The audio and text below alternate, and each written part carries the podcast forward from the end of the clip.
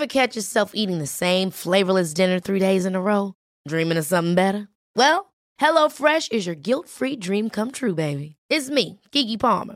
Let's wake up those taste buds with hot, juicy pecan-crusted chicken or garlic butter shrimp scampi. Mm. Hello Fresh. Stop dreaming of all the delicious possibilities and dig in at HelloFresh.com. Let's get this dinner party started. I'm Sandra, and I'm just the professional your small business was looking for. But you didn't hire me because you didn't use LinkedIn jobs. LinkedIn has professionals you can't find anywhere else, including those who aren't actively looking for a new job but might be open to the perfect role, like me. In a given month, over 70% of LinkedIn users don't visit other leading job sites. So if you're not looking on LinkedIn, you'll miss out on great candidates like Sandra. Start hiring professionals like a professional. Post your free job on linkedin.com/people today. Hej och välkommen att vänta på katastrofen ännu en gång. Med mig, Kalle Zackari Wahlström och med Patrik Sellman. Hej Patrik. Hej Kalle! Mår du bra? Jag mår jättebra. Väldigt Vad- bra gör jag. Det är en rolig tid nu, alltså eh, verkligen. Det är Ja, mycket är det grejer det? som ska hända. Ja, ja, det är det. Ja.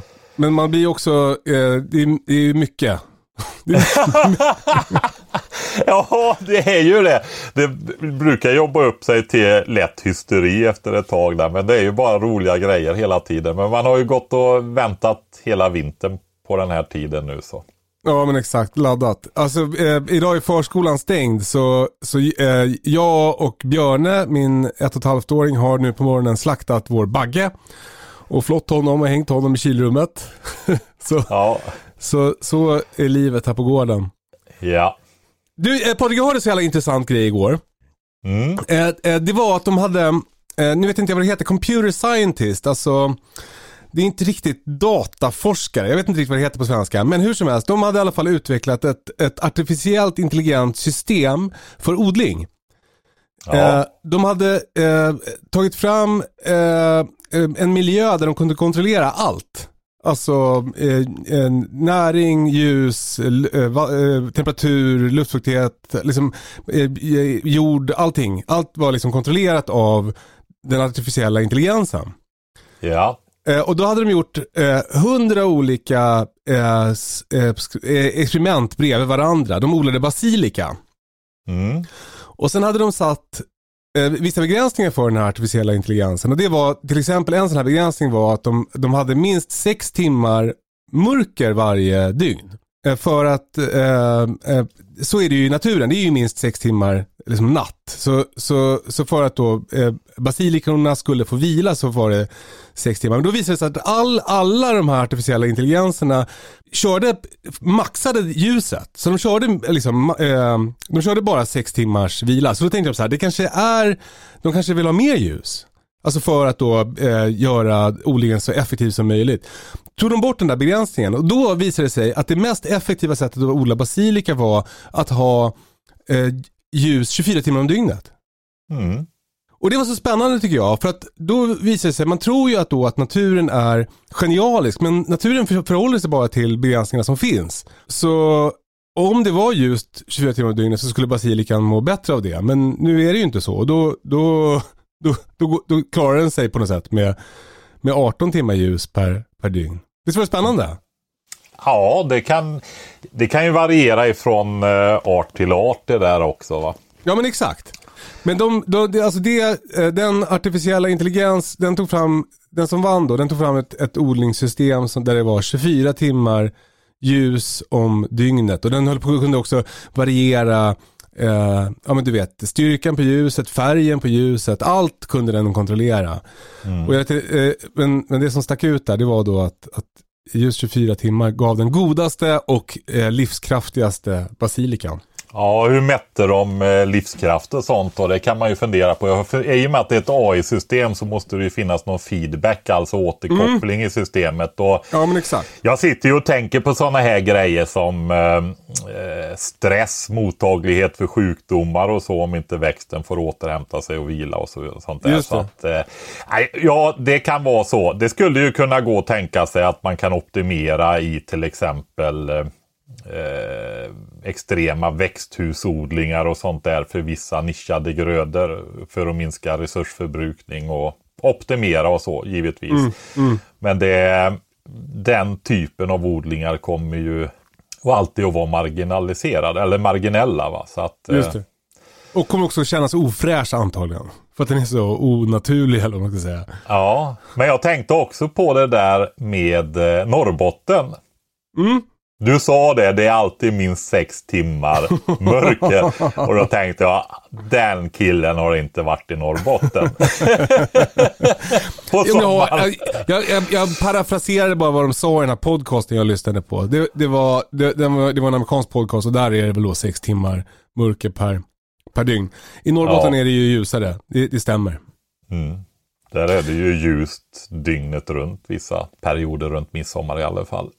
Men är det då bra att odla där? Ja, tydligen så skulle det kanske vara jättebra att odla basilika i växthus där uppe då. Satsa på det om du bor i Norrbotten. Basilikaodling. Ja, precis. Eh, apropå odla, det är hög tid att trycka ner potatisen i jorden. För jag såg nämligen musöron på björkarna. Är det, mm. är, är det en regel som du också går efter Patrik? Eh, Nej, det är det egentligen inte, utan det brukar vara mest praktiska omständigheter som styr när potatisen kommer ur backen. I år är det faktiskt så att det blir inte förrän i pingst. Det är lite sent men det passar bra också i och med att det varit så kall vår och är kallt i jorden och sådär. Mm. Eh, varför det blir pingst det är därför att vi ska göra så nu framöver att vi gör det till en, en familjegrej det här med sättning och skörd av potatis. Så att barn och barnbarn och sånt kommer hit så hjälps vi åt med de där grejerna då. Okej, vad kul. Och får alla del av skörden då också? Ja, det är också mm. med. Det har de ju alltid fått men eh, nu blir det mer så då. Ja, vad spännande. Hur stort potatisland kommer du ha i år? Ja, jag sitter ju inte och räknar så mycket utan jag kör mycket på intuition. Vet du. Men ja. eh, det blir väl bli eh, förmodligen ett par 300 kvadratmeter i alla fall. Oj, stort. Ja, ganska stort blir det. Eh, jag, jag, det känns som att du tycker att potatisen är en väldigt viktig gröda. Stämmer det? Ja, alltså eh, det är ju den grödan som ska vi säga, har störst betydelse och är viktigast ur ett eh, beredskapsperspektiv. Va? Och det, man kan ta hållbarhet och sådana saker också i och med att det är det sättet som med lite resurser kan producera mycket energi till oss människor, alltså många kalorier. Mm på trädgårdsnivå då. Så att eh, jag har ju velat ta upp det här med potatis länge. Det börjar ju bli, bli slutkanten nu. För du har ju förgroning och sådana saker och den hade ju varit bra om man hade börjat med och sådär. Ja men det, men det kan man få läsa till nästa år tycker jag. Vi, nu tar vi ja. från början. Berätta om potatisens eh, historiska betydelse. Ja, den har ju kommit ganska sent egentligen. Eh, den har ju kom ju efter upptäckten av eh, Amerika då. Och eh, nu har jag ju inte förberett det. När var det Alströmer tog hit potatisen? 1600... Jag ska fråga min farsa. Min farsa är utanför eh, där jag sitter ja, och bygger en trappa. Ja, eller också frågar du Google. Här! Här! När kom potatisen till Sverige? Ja. Mitten av 1700-talet säger han. Ja, var det så sent till och med? Det kan hända. Det som var innan Första var ju... kom till Sverige på 1500 1655 började Alströmer odla i sin botaniska trädgård i Uppsala. Ja, men, men det då kan man säga att en brett ja. slog igenom på 1700-talet. Ja, precis. Och eh, det man kan säga också är ju bland annat att eh, bladmögel då och eh, brunröta som går på eh, själva potatisen har ju varit ett dilemma då historiskt och eh, på Irland den stora utvandringen till USA ifrån Irland. Det eh, har ju sin grund i en utebliven potatisskörd. Va? Så den har haft väldigt stor betydelse för enklare folk helt enkelt. Då. Mm, mm. Men innan dess så körde vi med rover i stor utsträckning. Då. Så potatisen ersatte roverna för att den var enklare och effektivare odla. Då. Så är det. Och så är det idag också när man tittar. Jag har provat lite olika grejer som eh, bland annat mest majs då. Eh, I och med att den är så lätt att tröska. Du tröskar den med bara händerna. Men det går aldrig att jämföra med potatis. Kan man eh, odla en yta, en större yta med potatis så får du. Men det är återigen, jag har sagt det förut. Det är i kokt potatis 810 kilokalorier. Vilket Per är mycket kilo. På, per kilo. Ja. Ja. Per kilo. Och eh, är det så att du ska arbeta hårdare så kryper det ju uppåt 3000 plus kilokalorier i dagsbehov. Va? Ja. Då är det inte de hårdaste dagarna. Då är du uppe i flera kilo. Fyra kilo potatis. Så det är tufft att äta det. Va? Får det inte får- glömma det. Svårt att få i sig. Ja, vi kopplar tillbaka till det då så att vi inte heller överdriver eh, potatisens betydelse där. Utan fett har varit viktigt för att få upp va? Just och, det. och spannmålen då. Men som någon slags bas i sin, i en, liksom en, en kriskost så är potatis genialiskt. Ja, eh, för att öka på eh, den egenproducerade mängden kalorier då så är potatis väldigt, väldigt bra.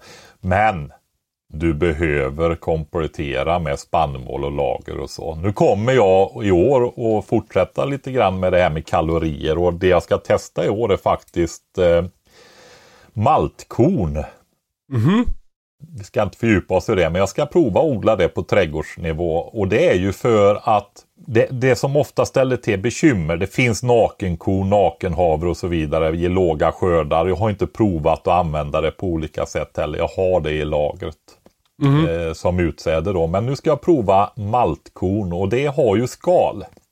Och skalningsprocess, det är ganska besvärligt att, att skala spannmål då. Men då är det ju så att om du ska mälta det här och eh, brygga öl Ja.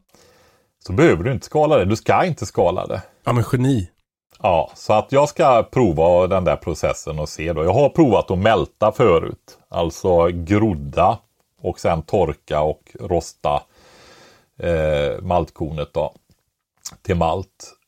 Men nu ska jag också se det här med skörd och tröskning och sådana här bitar då om det är Alltså då någon- kommer du att kunna göra öl från scratch. Ja, inklusive odlingen då. Ja, coolt. Ja. Men, men eh, för att eh, gå tillbaka till potatisen nu då, som det här ska handla om. Vad, vad, och, eh, tänk att jag är en hel en nybörjare. Jag, jag har en, en trädgård eller en Mm. kolonilott. Jag vill odla potatis. Vad ska Ja. jag göra? Eh, vill du ha tidig potatis, så det är ju en av de här tre grejerna som jag tycker om man har liten yta att man ska odla. Det är faktiskt tidig potatis. Eh, och det är därför att du får fram en kvalitet eh, på den tidiga potatisen som du inte får fram eller kan köpa i butik helt enkelt. Ja, mycket smakrikare och fastare potatis. Jag tycker den här eh, stressade tidiga potatisen i butiken är ganska blaskig och vattnig många gånger. Ja, Och eftersom eh, jag sa tre då så är det ju faktiskt solmogna egna jordgubbar av godare sorter. Mm. För ofta är det ju så att de som eh, eh, finns i butiker, de sorterna är ju framtagna för att klara långa transporter och sådana här grejer eller så. Du får så oerhört smakrika jordgubbar och den tredje det är ju tomaterna då. Egenproducerade tomater, speciellt på friland. De går inte heller att köpa i butik då. Va? ja, ja. Potatisen då. Och eh, Det, var nä- det var nära. Vi jo, det blir på, så mycket frågor sen. Ja, men vad menar du med de Ja, men, tre? ja, då, vi tar dem en gång då. Vilka eh, jordgubbssorter ska man ha som är goda? Ja, det kommer jag inte ihåg nu Ah, okay. i huvudet, sorter faktiskt. Men eh, det går att titta på det och vi kan återkomma med det i så fall. Men eh, om du vill ha tidig potatis så kan du använda lite tricks för att den ska bli extra tidig. Och bor du i lite kärvare klimat och sådär så eh, kan du krävas om du vill ha det till midsommar då till sillen där. Mm. Och Det ena är faktiskt att ha små krukor med och lä bara lägga potatisen på lite jord.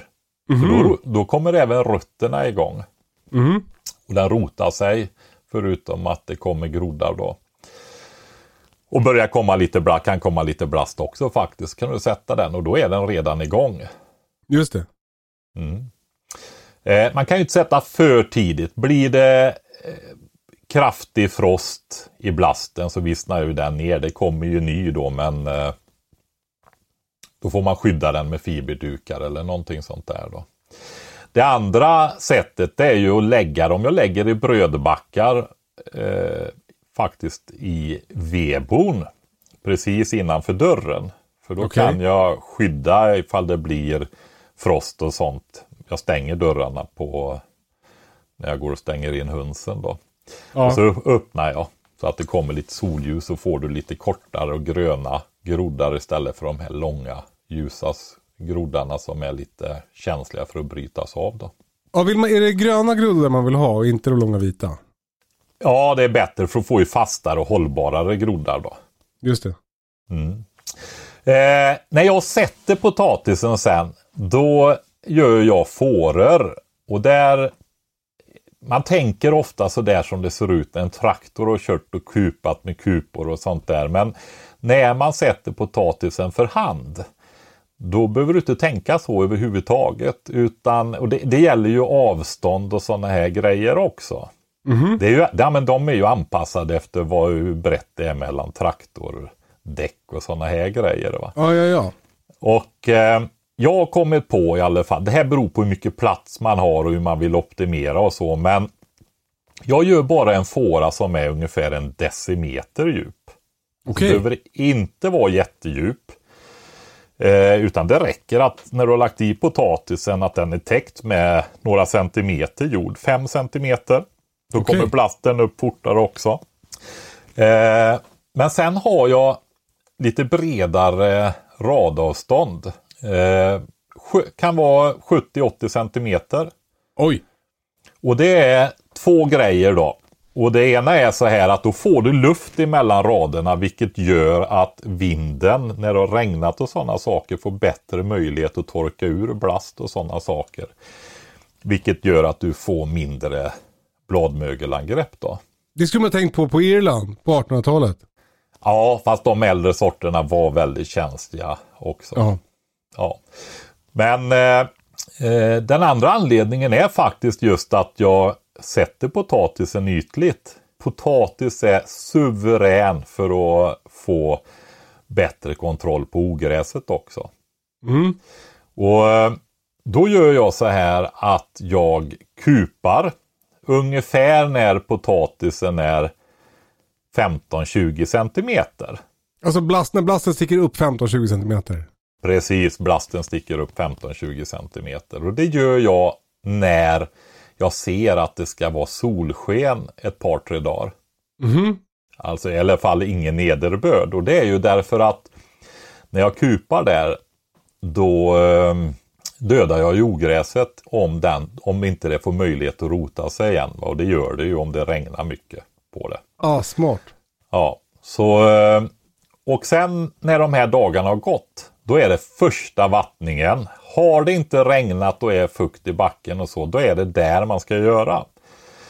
Eh, alltså när blasten har varit 15 till 20 centimeter. För då, det, den vattningen som sker där, den hjälper till så att du får fler knölar. Och det där är så spännande, det där har du berättat för mig förut. Att det finns ett speciellt tillfälle när den bestämmer hur, mycket, hur många potatisar den gör. Ja, då får den möjlighet att få fler knölar då. Eh, du har e- en vattning till sen och det kan variera mellan sorter. Men det är ungefär när den blommar och den vattningen för många sorter då, den vattningen är, det är ju inte alla sorter som ens blommar nu för tiden. Men Den vattningen är för att få större knölar då. Då får du en bättre tillväxt, en större skörd helt enkelt. Och det här är ju den vattningen som de som odlar professionellt då tillämpar. Va? Så två vattningar. En när blasten sticker upp 15 cm och du har kupat och ja. ogräset har hunnit dö. Och en när du ser att potatisen blommar. Ja. Och då kan man ju då tänka sig att man har olika sorter och att de blommar olika. Men ska man då, ska man då chansa på att vattna när de första blommar? Ja, alltså eh, har du väldigt tidig potatis då kan du ju vattna den. Eh, ja, om du ska till midsommar och sånt då eh, kanske inte det är skörd eh, storlek och sånt utan då är det tidighet som gäller. Men den här vinterpotatisen när du vill ha större skörd då. Jag tror att du kan, jag bryr mig aldrig om om det blommar utan jag ser när det börjar vara dags då, när det börjar blomma. Mm, så mm. vattnar jag. Mm. Sen om det skiljer dagar, någon vecka hit och dit. Eh, så noga är inte jag i alla fall. Eh, kupar du en gång till sen? Ja, och det gör jag. Och eh, där är det ju en, det är också både för att få mindre grön potatis. I och med att jag satte dem så ytligt så är ju kupningen väldigt viktig. Just det. Eh, och där får jag ju också ganska mycket möjlighet att kupa i och med att jag har ett större radavstånd. Eh, eh, jag bara kom på, vi kanske ska berätta vad, vad du menar när du säger kupa. Ja just det, det är ju alltså att du har en, en kuphacka och eh, kupar upp jord emot blasten då. Alltså man kan säga så här att när du, när du sätter potatisen då gör du ju en fåra med kanske ja, en hacka. Precis. Och eh, när du kupar då drar du, gör du en fåra mellan raderna så att du puttar upp jord på sidorna på din potatis. Så att det ja, blir ja. mer jord ovanpå den. Jajamensan, jag eh, drar upp jord helt enkelt hela vägen. Så det blir i princip som en eh, spetsig hög emot då. Just det. Sen har vi ju glömt en viktig grej. Ja, kan vi säga den, vi gör färdigt den andra kupningen där då. Mm, mm. Den gör man ju innan det blir alldeles för mycket blast så man inte kan jobba i landet i princip. Eh, och de här två kupningarna de gör ju att ogräset får en rejäl omgång. Och efter mm. den andra kupningen där så kommer blasten ganska fort och skugga ut ogräset också. Så du kan gå över någon gång och rycka lite svinmollor och liknande eh, som, som kommer igenom men det är inte mycket. Just det. Så du, så du får en väldigt fin ogräsbekämpning där. Jo, jag skulle säga vid sättningen också, när man sätter och gör den här en decimeter djupa fåran så sätter man ju potatisen med 30 centimeters avstånd, en fot ungefär. Och eh, jag har i många, många, många år gjort så här att jag kombinerar potatis och bondbönor. Fan! Strö inte salt i såren nu Patrik. Jag vet ju det här, jag gjorde det i fjol, men i år glömde jag bondbönorna. Ja, men jag sa det. Kör ner två bondbönor med 30 cm. Gör inget om det krockar lite grann. Men gör man det när man har fåran, då lägger man två bondbönor emellan varje potatis. Då, Och varför raden. förespråkar du det här? Jo, dels så eh, tål ju även bondbönan kupning. Mm -hmm. Så det går jättebra att den växer i potatis och det är ju vinterpotatisen för annars eh, hinner den ju inte gå upp och få bönor då. Va? Den tidiga potatisen där har jag inga bondbönor. Nej. Sen är det ju så här att det är bra att få in mer av baljväxten, alltså klöver, bönor, ärtor och sånt i odlingarna för att den fixerar luftkvävet som vi har pratat om förut. Det är ju 80 kväve i luften och det kan inte växterna tillgodogöra sig. Just det. Men de här baljväxterna de samarbetar ju med bakterier som de sitter som knölar på rötterna. De här bakterierna klarar av att fixera det här luftkvävet och göra det tillgängligt för växterna. Eh, och då delar de med sig till växten samtidigt som de istället då får eh, kolhydrater tillbaka, alltså energi då som växten fixar via solljuset. Då. Coolt. Så det är ett symbiosförhållande där. Alltså ett samarbete mellan olika arter. Då, va? Sen en annan grej som jag har tänkt på med, med det där som är en ganska viktig grej för mig. Det är också att Att man, man har inte plats för allt. Så man kan odla någonting tillsammans så är det perfekt. Ja, det är också platsbesparande då. Och eh, jag tycker inte de eh, konkurrerar på något märkbart sätt heller där va. Jag måste säga om bondbönor, jag odlade det ganska mycket i fjol. Jag hade mycket jobb alltså. Alltså det är ju det. Det är ju det med ärtor och bönor och det överhuvudtaget. Så att det är ju, det är ju den grödan som vi odlar i trädgården som har högst kaloriinnehåll. Va? Mm. Då, du är ju uppe på 2 500 och sådana per kilo. Men du märker ju ganska fort att det blir ju inte så vansinnigt mycket. Ja, men jag, precis, i mitt potatisland fick jag ju 100 kilo potatis och ett och ett halvt kilo bondbönor. Ja, precis. På samma att- yta. Ja, det är kaloribehovet för en dag det va. Mm, mm. Av 360. Eh, ja. Och också att det tog liksom en kväll att sprita alla ärtor, alltså öppna alla ärtorna och, och trycka ut dem och sen så skulle man ju, jag undrar om jag förvällde jag dem eller konserverade dem, jag kommer inte ihåg. Har, nu har dem i frysen i alla fall, i burkar. Ja, ja precis. och inte ätit dem heller, glöm bort att jag har dem. ja. Men Nej, jag men det, tycker jag, det tycker jag du ska göra för att de är väldigt, väldigt goda. Ja det är de. De används ju i många kulturer runt om i världen då. Så eh, jag älskar, älskar ju att faktiskt eh, lägga ner mig på att skala dem och ha dem som tillbehör. Eh, du gör som du gör med mandlar. Man eh, kokar upp vatten och lägger i bönorna. Eller kan ha dem i och koka upp vattnet och så eh, spolar du kallvatten på dem sen. Så gör du bara ett litet snitt och så trycker du ut den här fina gröna skalade bönan inuti då. Just och det. sen eh, gör du en eh, finhackar du lite rödlök och blandar med och eh, olivolja och eh, äppelcidervinäger till det där så har du ju en fantastisk eh, bondbönssallad till vilken måltid som helst nästan. Men du måste för hand trycka ut varje enskild böna ur sitt skal. Ja, men det går ganska fort. Det är ju ingenting som du har eh, jättebetydelse för din eh, kaloriförsörjning, men det är en fantastiskt god rätt. Det är lite som att skriva en bok. Alltså man måste, man måste skriva varje bokstav själv. Ja, det där har du prövat på. Jag håller på med det där alltså. Det... ja. Men, du, eh, eh, eh, tillbaka till potatisen. Vi fastnar på bondbönorna nu. Eh, Ja. vi, eh, vi- har nu kommit fram till, vi kommer att prata sorter, lugn, men nu har vi kommit fram till skörden. Eh, på, eh, det börjar bli höst. Eh, Ja. eh, blasten är stor och ymnig och eh, du tänker, är det dags att ta upp potatis nu? Mm. Du kan eh, helt, jag gör så här att jag eh, to- börjar ju ta upp efterhand under säsongen. Just. Eh, när, när det blir och då får du ju koll på hur den utvecklas också. Det är bra, om vi tar en sort som till exempel Sarpomira. Som är eh, trippelresistent mot bladmögel faktiskt. Men då är den känslig mot andra sjukdomar istället sen då. Men har man, det finns nya sorter av Sarpomiran också för det var lite kritik mot de första vad det gällde att det blev hål i dem och eh, i kärnan alltså och smak och sådana där grejer. Men det har utvecklats nya också med väldigt hög eh, bladmögelresistens då. Men deras, den blasten där, den blir väldigt hög.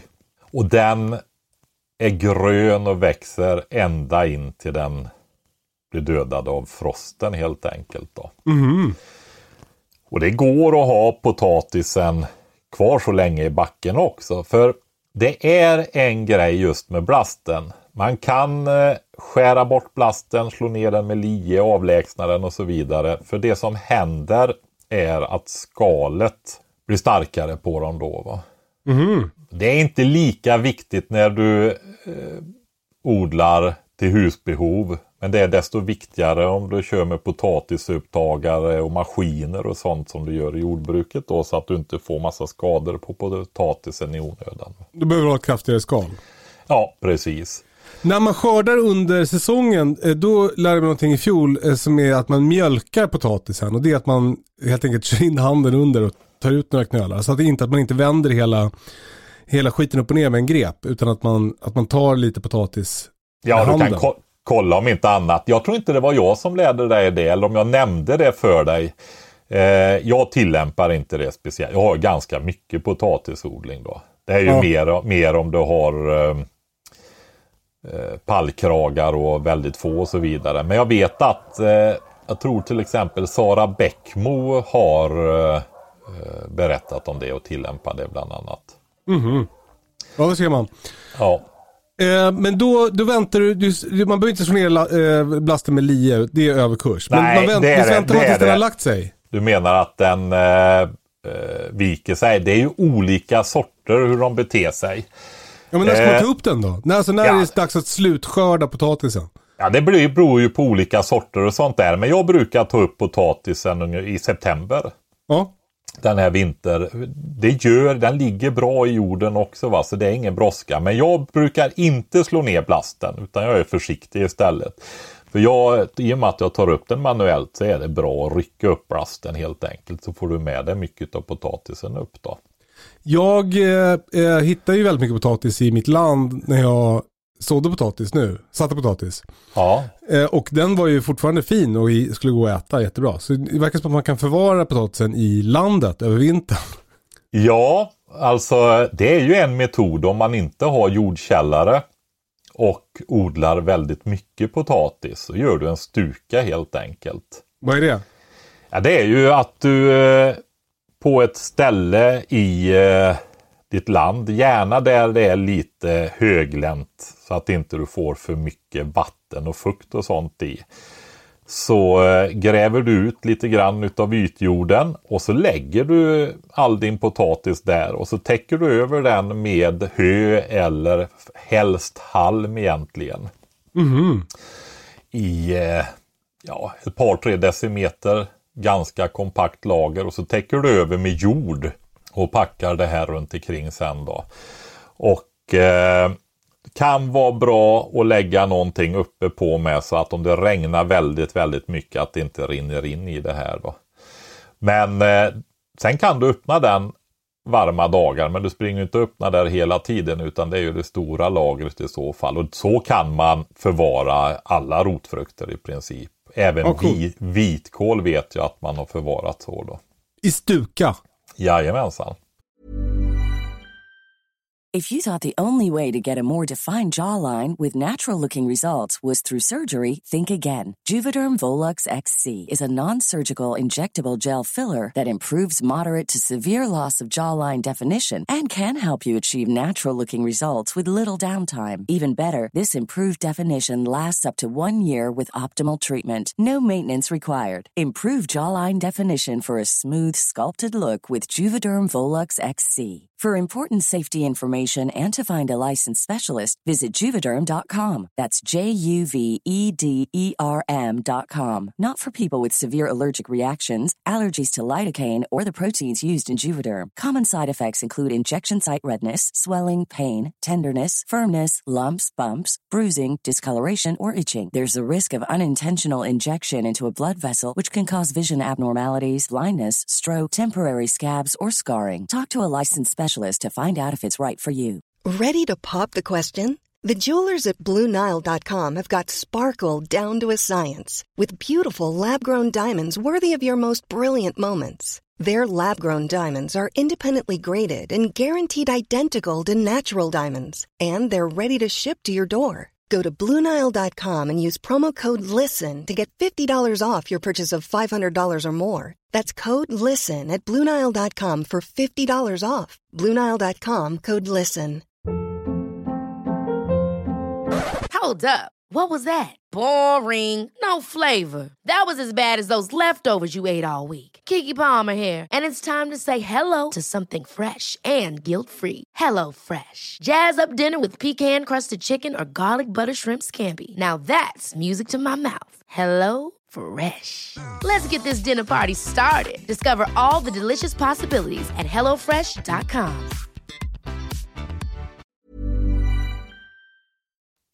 Men eh, eh, vad finns det för andra sätt att förvara potatis? Jordkällare är ju ett givet sätt. Hur ska man förvara potatisen där? Det är ju så och där är det ju viktigt då att man inte har betonggolv i hela jordkällaren och så för att det kan bli för torrt då. Då skrumpnar ju potatisen. Utan du vill ha en, en rätt så hög fuktighet då i, i din potatiskällare. Så att inte rotfrukterna torkar ur då, framförallt potatisen. Jag gör så här att jag har plastbackar som jag lägger potatisen i. Mhm. Och det går, eh, min dotter har använt sig utav eh, tunnor. Och det man får lära sig då när man tillämpar det här, och är givetvis i ett svalt kallt utrymme. Mm. Det är bra om det kryper ner åt 3-4 grader i alla fall. Va? Är det varmare så kommer de att komma igång tidigare på våren och så. Men kan du hålla där nere då ligger de i vila väldigt länge. Så att du kan ju ha potatis ända fram i maj året därpå. Va? Eh, men och när du säger plastbackar och tunnor då tänker jag direkt att det blir för fuktigt för potatisen där i. Precis, och då måste du lära dig det utifrån ditt utrymme där och då får du glänta precis lagom mycket. Och det där ser man ju, du får alla de här rotfrukterna och det här är ju levande organismer så det sker en andning. Och det innebär ju att det kommer ut fukt. Så du får ju det plaskblött där inne om du låter locket ligga på utan någon form av ventilation. Va? Och lyfter du av så blir det ju torrt istället. Så att man får göra en liten glipa helt enkelt. Eh, jag har också använt mig utav vanliga papperssäckar. Som är lite, vad ska vi säga, du har ett litet vaxskydd på dem Okej. bruna, alltså sånt som spannmål är i eller jag har faktiskt använt de här gamla sopsäckarna som fanns förr i papper. Jag tror inte de används längre. Nej, nej. Men jag har haft dubbla sådana och eh, lagt potatisen i och det har stått sig väldigt, väldigt, Det väldigt tycker jag låter bra. Det låter som ett bra sätt att förvara potatis. Ja, men du behöver kylan så att du håller dem i vila då va? Ja, för det, det är min nästa fråga. Jag, jag förvarar min potatis i två lårar i min jordkällare. För att jag, jag tyckte att ordet pot potatislår kändes som någonting jag kände igen. Så därför, så, så två stora trälådor med lock. Mm. Eh, och eh, i den ena, där jag hade väldigt mycket av sorten amandin. Där fick jag en väldigt kraftig groddning. Ja. Och då undrar jag vad det är som har hänt. Vet inte. Det, kan det vara olika temperaturer. Det är ju olika sorter framför allt. Så att de är ju eh, olika. Det är säkert så att det beror på sorter också. Va? En grej som också hade hänt i, i den här amandinlådan var att det hade tagits in möss. Eh, Ja. de hade gnagt, det hade kommit in möss i jordkällan, gnagt ett hål i potatislåren och sen haft fäst inne bland amandinpotatisen. Kanske har mössen gjort att de har börjat gro. Nej, jag vet inte. Kan, skulle kunna vara så kanske om man... All, de alstrar men- värme och... Ja, om det har varit mycket. Men alltså det låter ju väldigt tragiskt. För just amandin är ju den godaste och finaste och bästa potatisen som finns. Men det här har ju gjort att jag nästan bara har sått amandin, satt amandin till nästa år, eller till i år. Ja, För att jag hade så fina groddar på dem. Det var ju som att jag hade förgrott potatisen ö, om mig själv. Okej. ja, det är ju ganska, det är ganska vanligt faktiskt. Så nu eh, tryckte jag ner den i, i jorden. Så jag kommer få väldigt mycket amandin i, i sommar. Eh, det, och det där tänkte vi skulle prata om också. För det är ju vanligt att man köper sättpotatis på, liksom på granngården eller plantagen eller sådär. Men, och, och, och då, det, jag, ganska sent i livet så förstod jag att sättpotatis och potatis är samma sak. Jaha, vad tänkte du innan då? Du, hade du funderat över det överhuvudtaget då? Eller? Jag trodde att man var tvungen att köpa sättpotatis för att kunna odla potatis. Ja, ja, ja, att du eh, måste köpa den här jättedyra kontrollerade potatisen. Ja. Exakt. Att man var tvungen att betala 60 kronor för ett kilo eh, eh, på- på en eh, plantshop. Mm.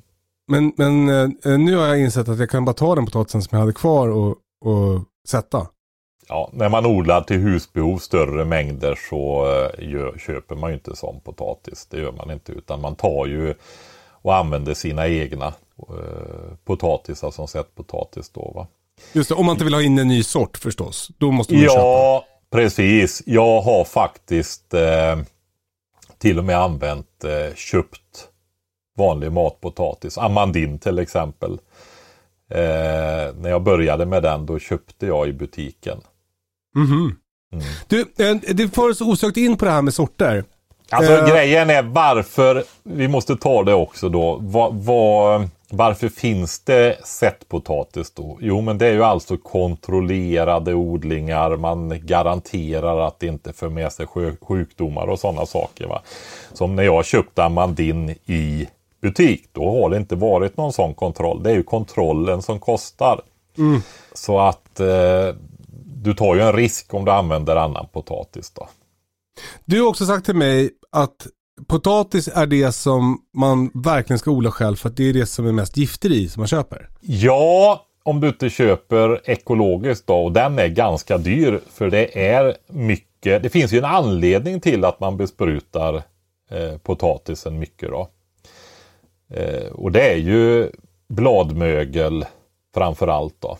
Så att eh, är det blöta år så eh, med mycket regn och sånt där då kan ju alltså eh, potatisen besprutas var och varannan vecka. Va? Ja, det Med låter det ju dåligt. Alltså för människorna som ska äta den. Ja, jag, vet, jag, jag ska inte uttala mig om hur farligt det är och så vidare. Jag tycker inte det är speciellt trevligt i alla fall. Jag, eh, potatis är en av de grödor jag gärna äter ekologisk eller framförallt egenodlad då. Eh, men du, det här med sorter då Patrik. Ja, Eh, vi har, du har nämnt två, Amandin och Sarpomira. ja just det. Eh, jag odlade Sarpomira mycket förut och det jag var inne på det att de hade väldigt hög blast. Och eh, Hög blast är besvärligt om du ska hålla på med maskiner och sådana där grejer. Visst, du slår ner den eller de sprutar den eh, också. När det är konventionell potatisodling så är det ytterligare en sprutning och det är ju att du sprutar så att blasten dör då. Va? Blastdödningsmedel. Det får du inte göra med ekologisk odlad då utan då slår de ner den tror jag. Eh, men när du har en husbehovsodling och eh, tänker ogräs och sånt där så är det ju jättebra med eh, grönsaker som får stor blast. Dels så täcker det ju bra och skuggar bra och sånt så att du får bort ljuset för ogräs. Så, så det har betydelse. Och där är ju inte nackdelarna med stor blast. Och det är mycket biomassa också som du kan kompostera och sånt och få fin kompost på. Så jag, Eller, jag tycker eller ge det till är- djuren. Ja, inte potatisblast precis då, men Vill man inte göra göra det? nej, inte potatisblast ger du inte till djuren. Varför inte då? Nej, den är ju giftig. Du får ju inte äta potatisblast heller. Nej, absolut inte. Skulle aldrig. Men varför går det bra att kompostera den då? Ja, men då förmultnar den ju. Och försvinner giftet då? Ja, det bryts ner. Kul att det lät som att jag skämtade när jag sa att jag gav den till djuren. Jag menar allvar. Eh, Okej, uppfattat. Okej, så Sarpomira, hög blast. Eh, Finns det några andra eh, bra grejer med Sarpomira? Ja, det var ju den att den är bladmögelresistent och den har alltså tre gener för det. Så att eh, eventuella bladmögelmutationer måste alltså fixa alla de här tre slumpmässigt för att ta sig igenom det där. Så att det är ju i princip eh, ja, jättebra då. Men sen vet jag också att de har gjort eh, nya sorter eh, med den här bladmögelresistensen då som inte är lika känslig för andra sjukdomar och som smak. Den utvecklas helt enkelt då. Så det, det får man titta på om man vill använda sig av den. Det är ju inte minst viktigt om man har mycket problem med bladmögel då. Och sen förespråkar du Amandin för att den är god. Ja, det är min eh, favoritpotatis är det. Och sen då? Sen den jag odlar mest av själv numer, det är Solist. Och den har jag fått utav den här bonden som jag hjälper med och bygga upp biodlingen då för pollinering av hans vitklöverfröodling. Jag har nämnt han tidigare då. Han odlar Solist, det är en ekobonde. Och den är också, alltså vi fick så stor skörd utav den. Eh, jag har odlat den några år nu då, men i fjol speciellt då när jag la ner mig på potatisen mer. Så eh, med vattning och det här som vi har pratat om idag. Alltså vilken skörd. Den trivdes så enormt bra i våran morän, näringsrika morän här uppe i värmländska bergen då. Alltså det var helt otroligt. Ja, kul. Alltså jag fick ju under de bästa stånd, jag har 15-20 stora potatisar under ett stånd. Då. Oj! Ja. Helt och då är, otroligt. Ja, och sen är den Den eh, är inte jättemjölig sådär så att den kokar sönder och så, men den är åt det mjöliga hållet. Jag vet inte hur man kallar det när man provar potatis och sånt där, men kanske lite lätt mjölig då. Och eh, det är ju perfekt. Du får ett mos som är lite torrare, som inte är sådär blaskigt och blött. Du får en jättefin potatisgratäng. Superbra att eh, göra klyftpotatis och pommes frites. Och eh, som bakpotatis, i och med att vi fick så mycket stora potatisar då nu så eh, har vi återuppväckt eh, 80-talet med bakpotatis där igen då va. Med gräddfil och lite stenbitsrom och kanske lite rödlök mm. eller? Alltså du har precis och smör. Bara, bara att baka en potatis och lägga smör i som får smälta ner i är ju helt underbart. Okej, okay, Solist heter den. Solist heter den ja. Den eh, går faktiskt som eh, tidig, men jag odlar den som vinterpotatis då här va. Den är mm. inte extremt tidig. Det är ingen som jag odlat till midsommar då. Men, eh, Vad odlar du till midsommar? Ja, i år ingenting och i fjol gjorde jag inte heller det faktiskt. Men om du ska säga en tidig sort? Ja, Maria, Rocket är ju två som jag... Eh, det finns en... Jag undrar om den är en variant av Amandin. Man kan misstänka det på namnet. Jag har tittat på den, jag har faktiskt inte odlat den, men jag kan nämna den i alla fall. Den, ser, den heter Gormandin. Mm. Alltså Amandin, som börjar med gourmet ungefär, Gormandin. Så den eh, kan man nämna också, nämna också då. Va? Sen är det en mycket välkänd sort som jag har odlat mycket genom åren också. Det är Asterix. Mm. Lite röd i skalet. Ja, den känner du igen på det. Och, eh, men det är ju mer en, en fast potatis då. Så eh, den har fungerat bra. Den har hyfsad resistent mot mycket eh, sjukdomar också. Dock inte helskyddad på något sätt då. Eh, en grej som jag hade väldigt mycket problem med med min potatis i fjol, det var jag fräste ju ett nytt land i gräsmattan. Ja, just det. Och då får man ju eh, eh, någonting som heter knäppalarver va? Ja, Eh, eh, berätta. Alltså det är ju en larv. Jag vet inte vad den utvecklas till sen faktiskt. Eh, men den är ju ett välkänt problem just det här om du bryter upp gräsmatta eller om du har vallodling då, alltså eh, odlar gräs till hö eller ensilage och bryter upp det där. Så ett till två år efter så får du larver som äter sig in i potatisen. Kommer jag få det även i år alltså? Du kan få det och det kan ibland eh, på vissa jordar och så så kan det bli värre andra året. Då. Röven. det blir mycket, mycket fårpotatis. Eller du får ja, jag... skaffa, skaffa gris. Vi, vi, vi, det blir i familjepotatis det också. Vi, vi, eh, jag, jag tar bort uh, de döda larverna när jag skalar potatisen. De får bita ihop. Ja, okej. Okay. Det härdar de. Jag tycker mm. att Amandin var hårdare angripet än Asterix när det gäller eh, knäppa larver.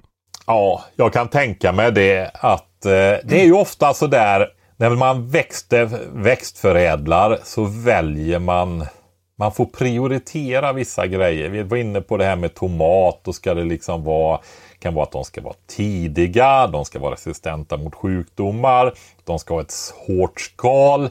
Ja, då kanske man inte samtidigt också kan få världens godaste tomat. Va? Mm, just det. Eh, och jag kan ju eftersom Amandin är så fantastiskt god potatis. Och, ja, för mig är det lite drömmen om potatis då. Så kanske den inte är lika bra på alla de andra bitarna då. Va? Eller också så är det så att knäppalarven också, också tycker att den är god. Ja, det, jag pratade med eh, jag ska inte säga namn, namnet på, utan men den här bonden då, han är ju pota- odlat mycket potatis och är jättekunnig då på det där. Han eh, berättade för mig att eh, det är ett gott tecken om knäppalarverna går i, nämligen i potatisen. Varför då? Därför att det är alko alkaloider i bitterämnen i. Och det tillhör ju de här ämnena som inte är superduper bra för oss alltså. Eh, och han tog upp eh, en sort som var populär förr som hette Magnum Bonum som är en gammal klassisk. Den där togs bort för att det var så höga halter av alkaloider i. Va? Och då visade det sig att knäppalarverna går i de mildare potatissorterna. Medan de som är lite bittrare får mindre problem. De, eh, det, det är som att när det är mycket alkaloid, eller mer alkaloider i så går inte knäppalarverna in i det där. Och där eh, är ju en sort som jag har odlat en del också då. Det är Carolus då. Den har ju bra motståndskraft och sådär. Mot bladmögel bland annat. Då. Den ger också lite sådana här, inte lika mycket som Asterix, men lite röda fläckar på, på skalet då. Jag har ju provat att odla potatis på flera sätt. Dels har jag gjort det här eh, fräset land på traditionellt sätt sådär med fåror. Ja. Sen har jag också provat det här att lägga ut eh, kartong, Mm. eh, göra ett litet kryss, eh, lägga potatisen under kartongen och sen lägga på halm på. Eh, och sen har jag också provat att odla i, på höjden i hinka, äh, hinkar, tunnor. Ja, Eh, eh, och idén då är ju att man fyller på med mer jord. Så när det har kommit upp 15 cm blast då lägger man på mer jord. Och då ska det, i teorin, då ska, det- då ska det utvecklas potatis på, liksom hela vägen upp. Så att det blir väldigt mycket potatis på varje planta. ja, Eh, Så det är ju ett tips om man, om man eh, eh, till exempel odlar på balkong. Det är ju många av våra lyssnare som, som bor kanske i lägenhet och då, då är det ett sätt att, att kunna odla potatis på sin balkong. Att man, man skaffar ett djupt kärl och sen så, eh, så lägger man ner potatis, täcker med jord. När blasten kommit upp 15 cm täcker man med jord. När blasten kommit upp 15 cm genom den jorden täcker man med jord och så vidare. Eh, jag hade inte så mycket framgång med det sättet men jag tror kanske att jag vattnade för dåligt. Jag tror att, den, att det kräver lite mer vattning om man odlar så mm. Uh, det här med kartong tycker jag funkade helt okej. Inte, f- jag har gjort det i två år. Första året då gick det inte något bra alls. Då tyckte jag det blev, det blev inget bra. Men andra året tycker jag att det blev eh, eh, helt okej faktiskt. Eh, så har man tillgång till, typ om man har köpt en ny dörr, så att man har en stor eh, smidig kartong, då kan det vara ett sätt att, att, att, odla potatis. Jag, nu i Ja. fjol använde jag faktiskt byggpapp. Alltså jag köpte en rulle och rullade ut. Bara för att jag inte orkade hålla på med kartonger. Men nu sitter du där med ditt potatisland och gör fåror och Ja. kupar. Ja.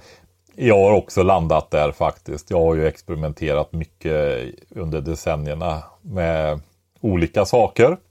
Så är det. Och eh, jag vet att många tycker det är jättebra det här odla i halm och alla sådana saker. Att du lägger, du får ju lägga ordentliga lager över då så att du eh, ja, inte får solljus igenom och gröna potatisar och så då. Ja, det där med gröna, gröna potatisar, vad, vad, eh, berätta om det. Ja, det är ju så att eh, är, ligger potatisen för ytligt, alltså eh, ofta så att det syns helt enkelt då i princip på ytan. Så solljuset träffar den, då får du grön potatis. Och eh, det blir väldigt höga halter av solanin i. Och det är ju det ämnet i potatis som gör att du inte ska äta blasten. Va? Det är giftigt. Så, eh, och eh, det har också visat sig, förr så skar man bort den gröna delen då, men det har visat sig att eh, solaninhalten ökar i hela potatisen då. Så är det grönt på potatis så äter man den inte helt enkelt då. Då, Därför är det viktigt med kupningen också då. Va? Eh, Synd för min familj, för jag har skurit bort. Då ska jag inte göra det mer alltså. Nej. Eh, Okej, då eh, känner jag att jag har koll på potatisodling. Är det Mm. något du vill tillägga? Nej, jag tror vi är nöjda där faktiskt. Nu har det gått en timme, Kalle.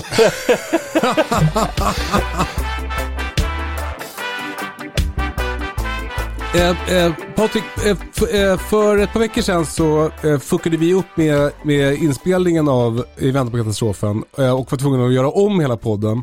Vilket gjorde att Britta, eh, som skulle spela in sin podcast, Britta och Parisas podcast, efter oss fick skjuta upp sin inspelning och det blev ju katastrof för henne. Och vi, hon var ju väl, vi var ju väldigt tacksamma för att hon hjälpte oss på det här sättet. Så tacksamma att du skickade en present till henne. Ja, och det var ju en prepper-present. ja det var det. Det var det. Eftersom det handlade så mycket så tyckte jag det var roligt. Det var inte bara det. Hon fixade ju och backade upp med. Det var din tur att hämta på dagis och allt och hon åkte iväg. Så hon backade ju upp eh, oerhört mycket. Och det var ju jag som dabbade mig också där. Va? Eh, det visade sig ju att programvaran la av helt plötsligt. Jävligt. Men Ja, det eh, låt oss inte snöa in på den tekniska, den tekniska problematiken i podcastinspelningen. Utan prata istället om, om den här presenten. Det var en schweizisk armékniv. Ja, det är det. En variant av den som jag tycker är eh, fantastiskt bra som en, va- ett vardagsredskap att ha med sig. Eh, man, eh, det finns ju en mängd olika sådana här förkortningar och benämningar som används in i, i preppervärlden då från den eh, engelska delen. Va? Och det är ju EDC till exempel, Everyday Carry. Och det är ju mer den, det som du alltid har på dig när du lämnar hemmet kan man säga. Just det.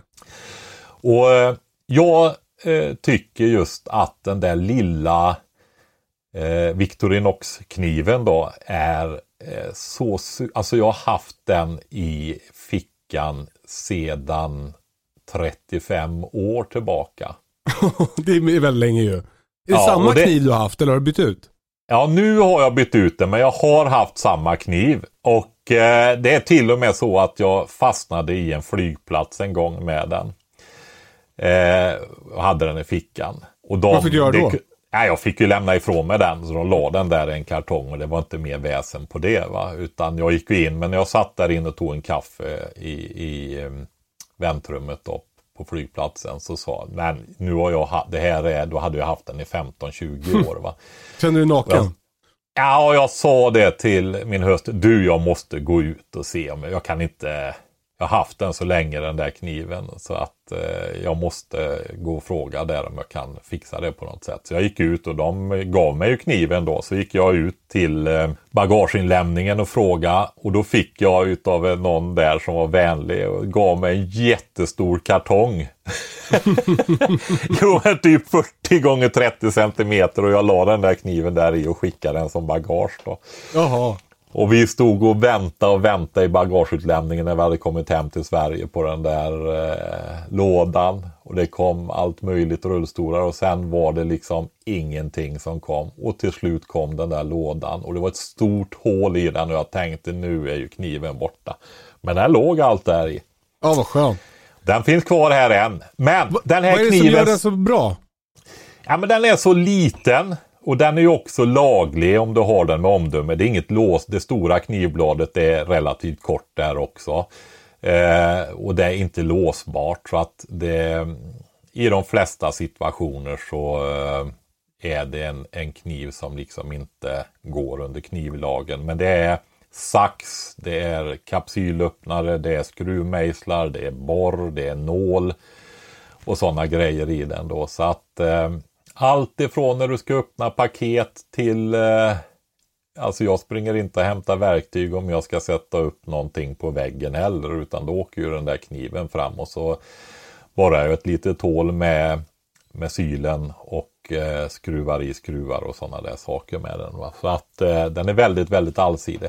Den där jag skickat till Britta, det är en lite utvecklad, eh, den är i princip samma som den som jag alltid haft, men den är några millimeter bredare och det ryms en liten såg. Mhm. Och du vet, den är ju inte lång den här och sågen är inte jättelång heller. Men det jag kan säga att det är den kniv i världen som förmodligen är eh, mest eller oerhört mycket bättre än vad den ser ut. Det finns ingen annan kniv som är så mycket bättre än vad den ser ut som den kniven. Ja, den, är helt, den är nästan magisk. Eh, och varför då? Det är ju för att jag har, eh, jag har valt ut den. Det är också en sån där present då till alla barn och barnbarn och de som är jubilarer och så vidare. Och då har jag modifierat den där lite grann med utrustning som finns då. Mhm. Så att jag har bytt skalen på eh, kniven så att det finns, ja det brukar ju sitta en tandpetare och en pincett i de där. Just det. i små hål då i, i skalet där. Va? Pincetten den är hatad eller älskad och jag tycker att den är jättebra om man använder den just där om du får en flisa eller någonting sånt där eller du behöver greppa någonting som är väldigt lite så är ju en pincett oerhört Ovärderligt. Ja. Ja det är ju det va. Det är ju en, en sån där grej som om det är små första hjälpen, väskor och så vidare så kompletterar jag den alltid med en superbra riktig pincett. Va? Och stickor är ju någonting som man, det får man ju hela tiden också i livet. Ja. ja, men precis. Och speciellt om du är ute i friluftsliv och sådana saker så vill du kunna greppa om saker och ting då, som är små. Va? Så den är med i den där kniven också. Nu är det en liten pin, pincett då, men eh, det är ju alltid i ett, ett sånt koncept så är det ju kompromissat med storleken då. Då byter jag ut i alla fall det där så att jag har ett litet eldstål i. Och eh, det är också ett sån grej som funkar sådär. Alltså det, vad kan den vara?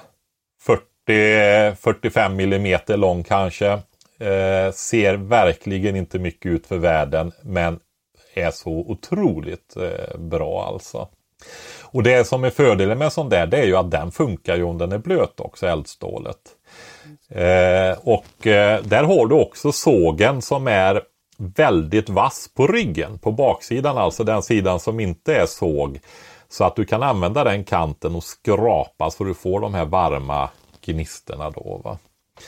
Men sen är den också utrustad med en eh, Victorinox kulspetspenna som instucken ytterligare ett sånt där hål i skalet. Där och, så. och det är också en sån där grej man kanske inte tänker på. Men är det i situationer du behöver skriva upp ett telefonnummer, eh, registreringsnummer eller någonting sånt där så har du alltid en penna med dig. Va?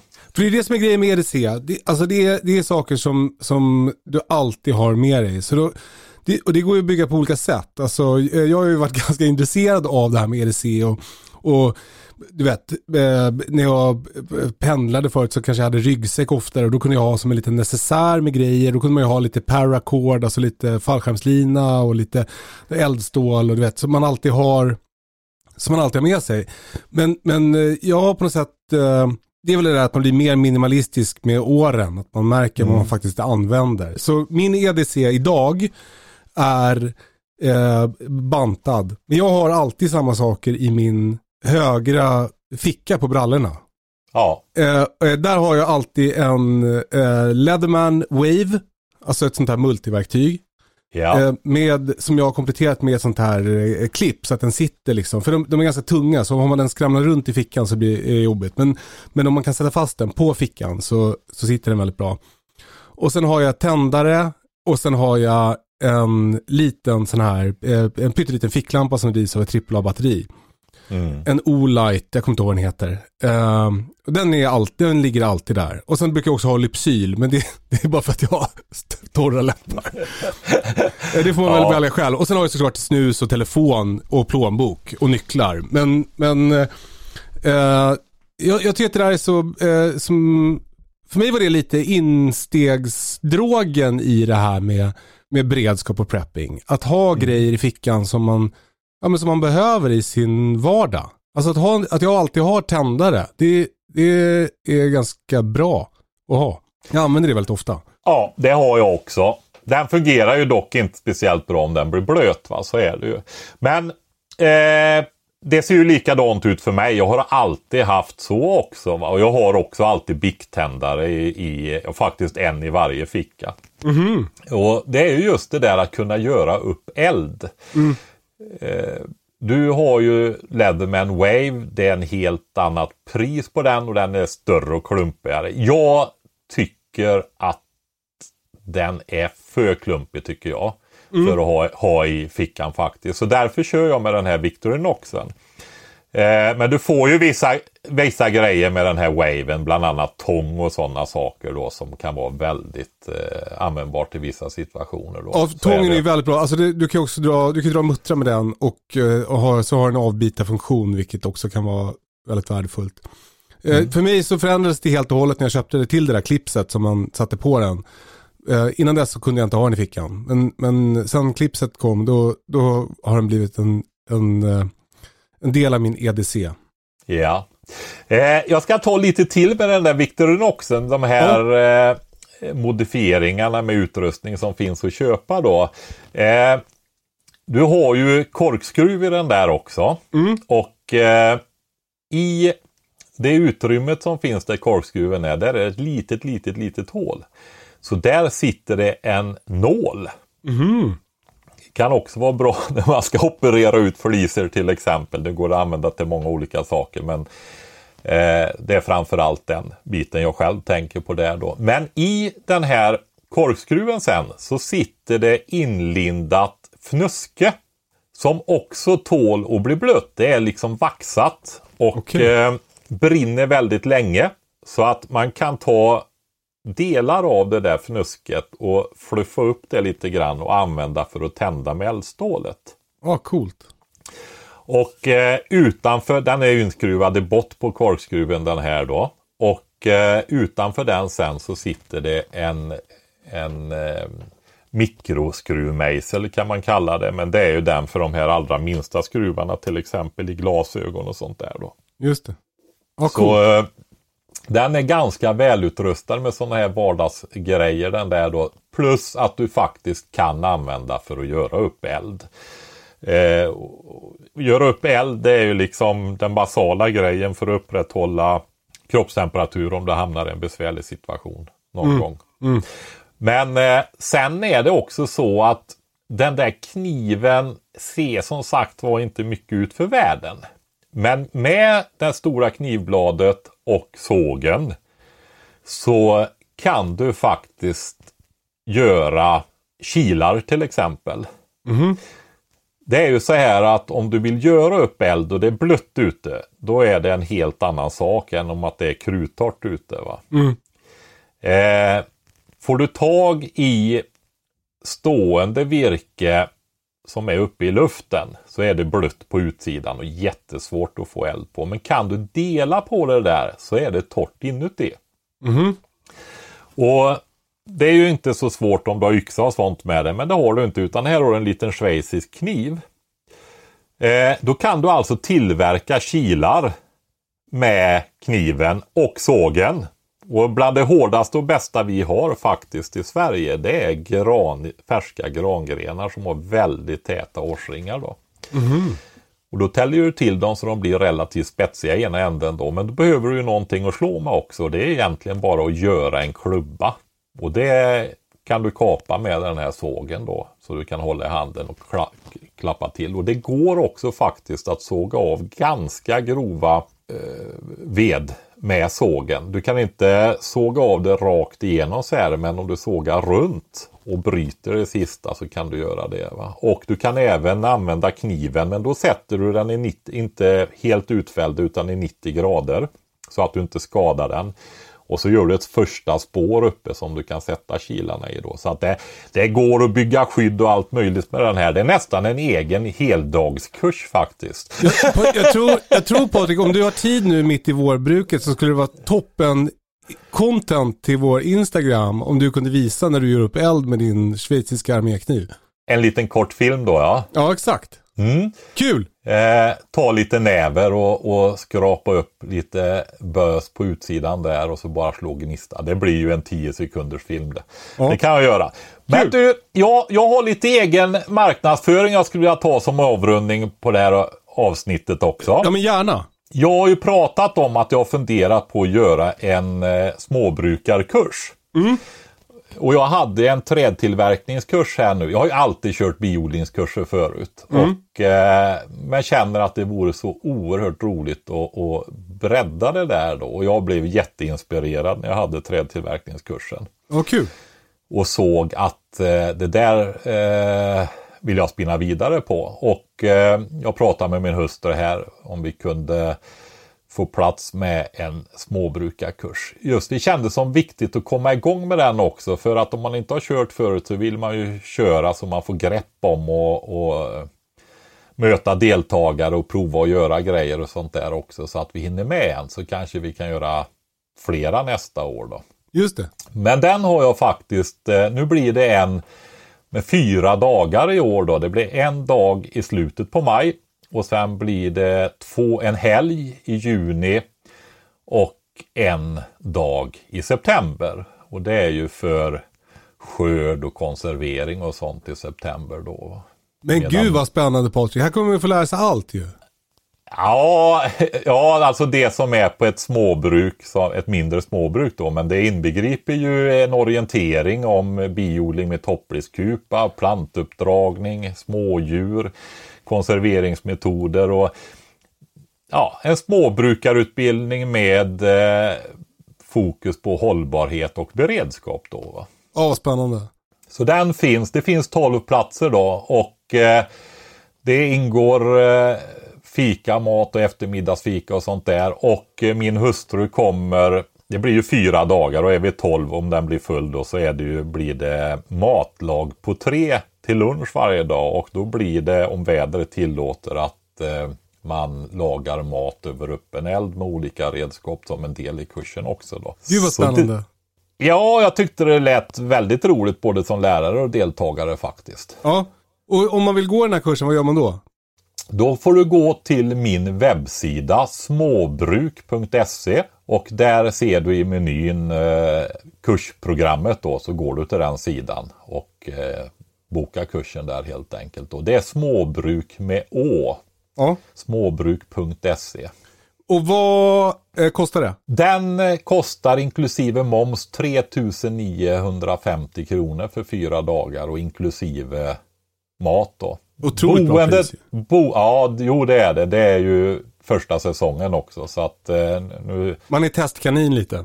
Ja, lite så är det. Så är det. Och det boende, är ju- vad sa de om det?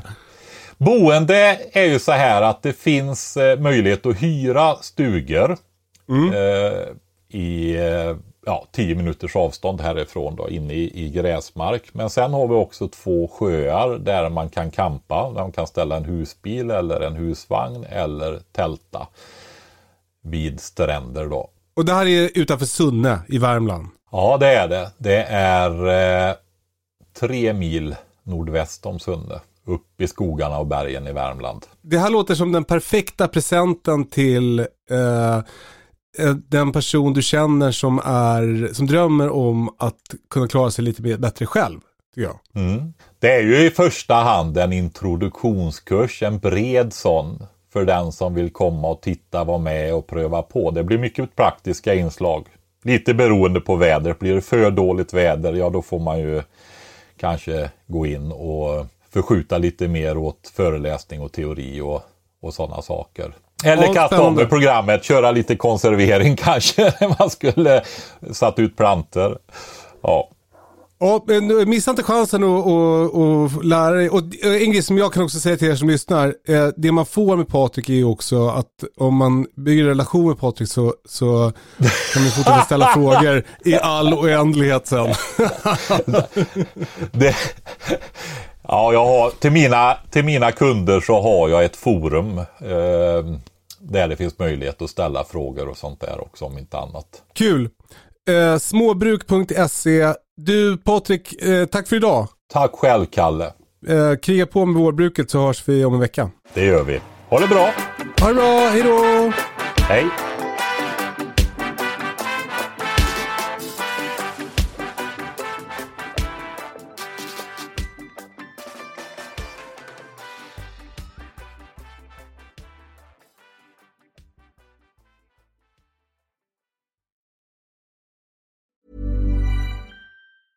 Ever catch yourself eating the same flavorless dinner three days in a row? Dreaming of something better? Well, HelloFresh is your guilt free dream come true, baby. It's me, Gigi Palmer. Let's wake up those taste buds with hot, juicy pecan crusted chicken or garlic butter shrimp scampi. Mm. Hello Fresh. Stop dreaming of all the delicious possibilities and dig in at HelloFresh.com. Let's get this dinner party started. Mom deserves the best, and there's no better place to shop for Mother's Day than Whole Foods Market. They're your destination for unbeatable savings, from premium gifts to show-stopping flowers and irresistible desserts. Start by saving 33% with Prime on all body care and candles. Then get a 15-stem bunch of tulips for just $9.99 each with Prime. Round out Mom's menu with festive rosé, irresistible berry chantilly cake, and more special treats. Come celebrate Mother's Day at Whole Foods Market.